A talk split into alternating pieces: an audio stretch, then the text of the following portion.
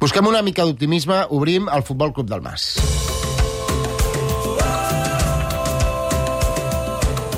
Ja no ens alimenten molles, ja volem el pa sencer. Anem tardíssim. Del Mas, com estàs? Bona nit, què tal? Molt bé. Com t'ha deixat això de Gavi, aquesta lesió de Gavi?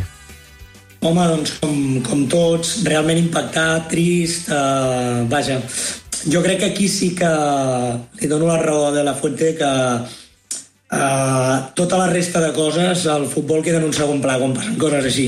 Com creus que ho pot patir, eh, això de Gavi, l'absència de Gavi al Barça els pròxims mesos? Doncs molt, molt. Jo m'abono a la teoria del 8 que dèieu, o 8 i mig. Eh? Crec que no només per, per l'energia, sinó per aquesta capacitat que té en la primera pressió, crec que el trobarà a faltar al Barça, sí. Gavi eh, s'estarà una temporada sense jugar si demà aquesta ressonància magnètica confirma el trencament del lligament encreuat del genoll dret. Com a mínim torna De Jong. Eh, Per dissabte vinent, segurament no com a titular, al camp del Rayo tornarà De Jong.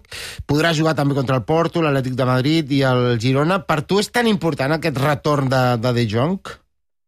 Sí, molt important, molt important.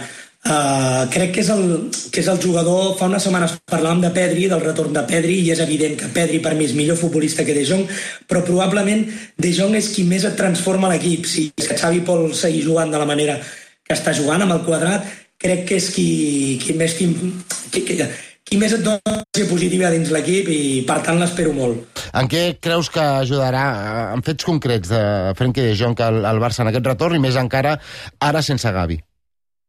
Mira, diré tres. El primer és posicional. Crec que és el que per perfil és qui t'equilibra més el quadrat, és el que et permet més combinacions, jugarà a la part baixa del quadrat i és el que et permet posar més gent a la part alta i, i combinar-ho, no? és a dir, et millora la posició de pivot i et dona més versatilitat a dalt. Després, en pilota, crec que té eh, et millora les dues coses amb les quals l'equip ha patit més a les últimes setmanes o l'últim mes, no?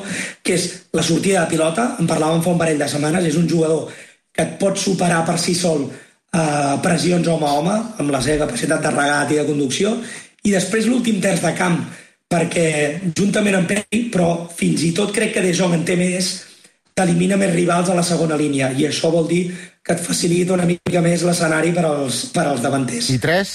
I, sí, i per, per, per acabar, una cosa que crec que, que se li valora poc a De Jong, que és l'apartat defensiu, com, com treballa defensivament. Eh? Crec que té cames per anar a pressió, però també té moltes cames per replegar i ajuda molt a la transició.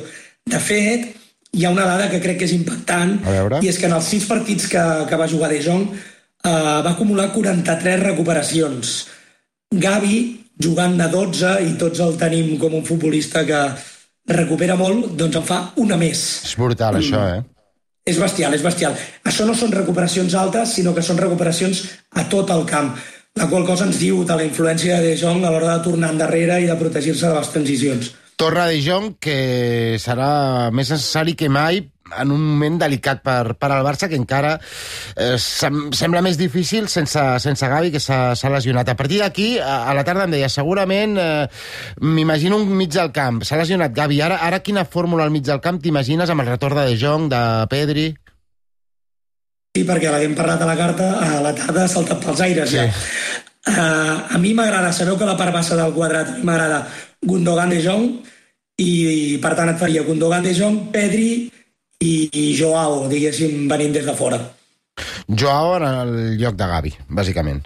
Sí, no? O sigui, aquesta Sí. lesió de Gavi segurament sumarà encara més minuts per, per Joao Fèlix. Per la resta, amb, amb De Jong, amb Pedri sense Gavi, quin creieu que serà el mig del camp per als partits importants que venen? O sigui, el Ricard ja ha apuntat també aquesta mm, Sí, figura jo de, de Joao apunto Fèlix. aquesta, sí. Eh, que sí? Uri? Sí, jo crec que és molt clara, sí. Molt clara, eh? Sònia?